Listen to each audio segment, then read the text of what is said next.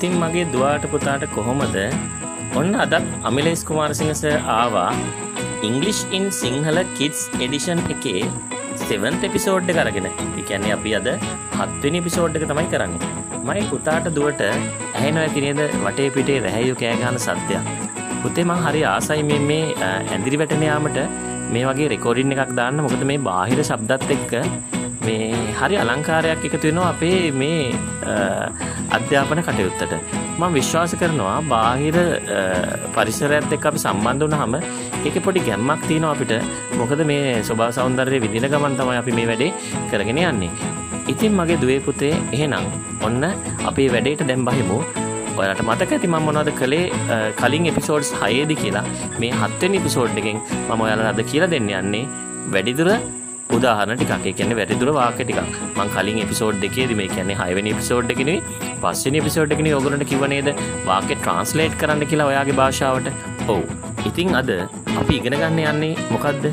අද ඉගෙන ගන්න යන්නේ he she it සහ they කියන හතර දෙනා. ඒ කියන්නේ third person. third person කියන්නේ ප්‍රථම පුරුෂ. ප්‍රථම පුරුෂයට අදාළව උදාහරණ ටිකක් තමයි අපි අද ඉගෙන ගන්න යන්නේ. ප්‍රථම පුරුෂයට අදාළව උදාහරණ ටිකක් තමයි ඉගෙන ගන්න යන්නේ අපි. තේරුණාද? ඒක නිසා මගේ දූට පුතාට මේක හොඳට අහගෙන ඉන්න වෙනවා. මොකද මේවා ට්‍රාන්ස්ලේට් කරන්න ඕනේ. හැම වාක්‍යයක්ම තමන්ගේ භාෂාවට සිංහලට වෙන්න පුළුවන් දෙමළ වලට වෙන්න පුළුවන්. තමන්ගේ භාෂාවට පරිවර්තනය කරන්න මව් භාෂාවට. He. He is Kevin He is a doctor. He is from Australia. He is in his late 30s. He is examining a patient now. He is in his medical clinic now. He loves Western music. He works in a private school.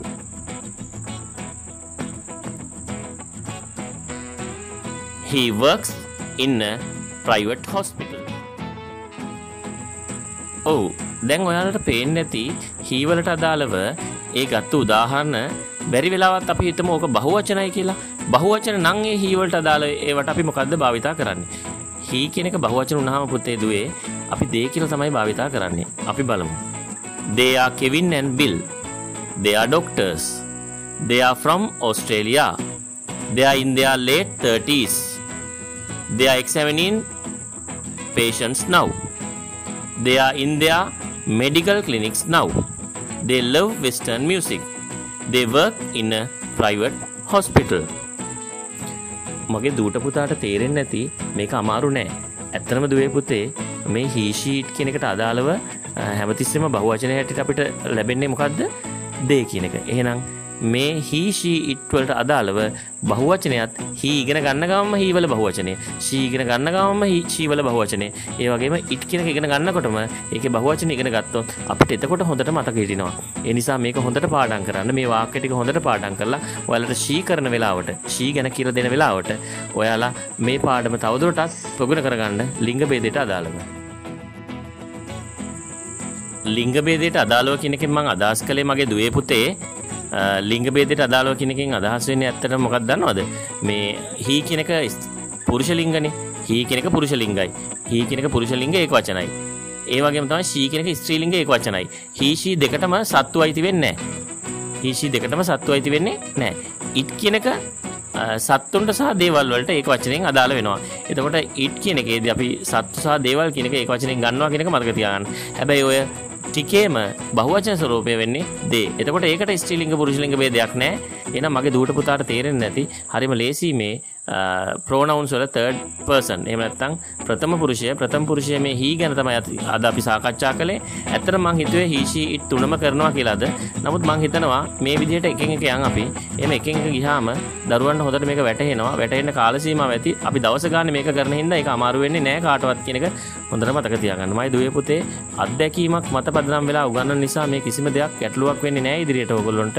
මේ හැම දෙයක්ම ඔයාලට ඉතාම සාර්ථකව කරගෙන යන්න පුළුවන් වෙනවා. මොකද ඔයාලා ළඟ ආත්ම විශ්වාසයයි උවමනාවයි ආසාවයි කියන එක දැන් තියෙනවා. අන්න ඒක ඔයාලට උදව් වෙයි ඔයාලගේ ඉදිරි ගමනක් යන්න. ඔව්. එහෙනම් මං හිතනවා අද දවසට මං ඔයාලට මේ කරපු දේ හොඳටම ප්‍රමාණවත් කියලා. අද පුංචි පොයම් එකක් මං කියන්නම් ඔයාලට මේ මේ මේක ඉවර වෙන්න කලින්. මොකද අද එපිසෝඩ් එක ඉවර වෙන්න කලින් මං චූටි පැටියෙකුට පොරොන්දු වුණා අද පොයම් එකක් දෙනවා මගේ එපිසෝඩ් එක අවසන් වුණාම කියලා. මට එවලා තිබ්බ කමෙන්ට්ස් ෆීඩ්බැක් ඒවා ඔක්කොමත් එක්ක මං කිව්වා පුංචි පොයම් එකක් කියලා දෙන්නම්. ඔයා ඒක පාඩම් කරගන්න කියලා. ඉතින් ඒ චූටි පැටියට මං දීපු පොරොන්දුව ඉෂ්ට කරන්නම් මේ වෙලාවේ. ඔන්න ඔයගොල්ලෝ ඔක්කොම අහගන්න පොයම් එක I am a mango, tasty mango, mango is my name. Oh, M A N G O, M A N G O, M A N G O, and mango is my name. Oh. මේකෙන් කියවෙන්නේ මොකද්ද?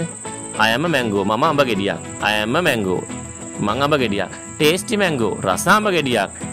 Mango is my name. මගේ නම අඹ. මගේ නම අඹ.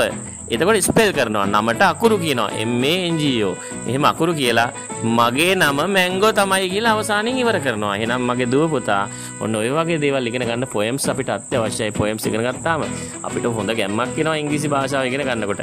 ඒකයි දරුවනේ මේ දේවල් ඔයාලට නැවත නැවත මම මතක් කරන්නේ. එහෙනම් අද මම ඔයාලට ඉංග්‍රීසි ඉන් සිංහල කිඩ්ස් එඩිෂන් එකේ 7th එපිසෝඩ් එක එහෙම නැත්නම් 7 වෙනි එපිසෝඩ් එක මෙන්න මේ විදිහට අවසන් කරනවා. මගේ දුවේ පුතේ එහෙනම් අද එපිසෝඩ් එක අවසන් කරද්දී මම ඔයාලට නැවතත් මතක් කරනවා සෞඛ්‍ය අංශවල ආරක්ෂක සේවාවන් වල ඒ වගේම මේ රජයෙන් දෙන උපදෙස් හොඳින් පිළිපදින්න. ඒ දේවල් පිළිපැද්දොත් තමයි අපිට මේ කොවිඩ් වසංගතයෙන් බේරෙන්න පුළුවන්. මේ වෙලාවේ ඔයාලා ගෙදරට වෙලා මේ මගේ පොඩ්කාස්ට් channel එක හරහා ඔයාලට ගේන මේ සියලුම පොඩ්කාස්ට් ටික අහන්න. ඒ වගේම මේවා තවත් කීපයක් තැන් කීපයක තියෙනවා. ඒ ඒ කීපේදිත් බලන්න ඔයගොල්ලෝ ඒවයින් බලලා ඔයගොල්ලෝ ඉගෙන ගන්න යමක්. මං හිතනවා ඔයාලා සතුටුයි කියලා මේ වෙනකන් ගෙනාපු දේවල් ගැන.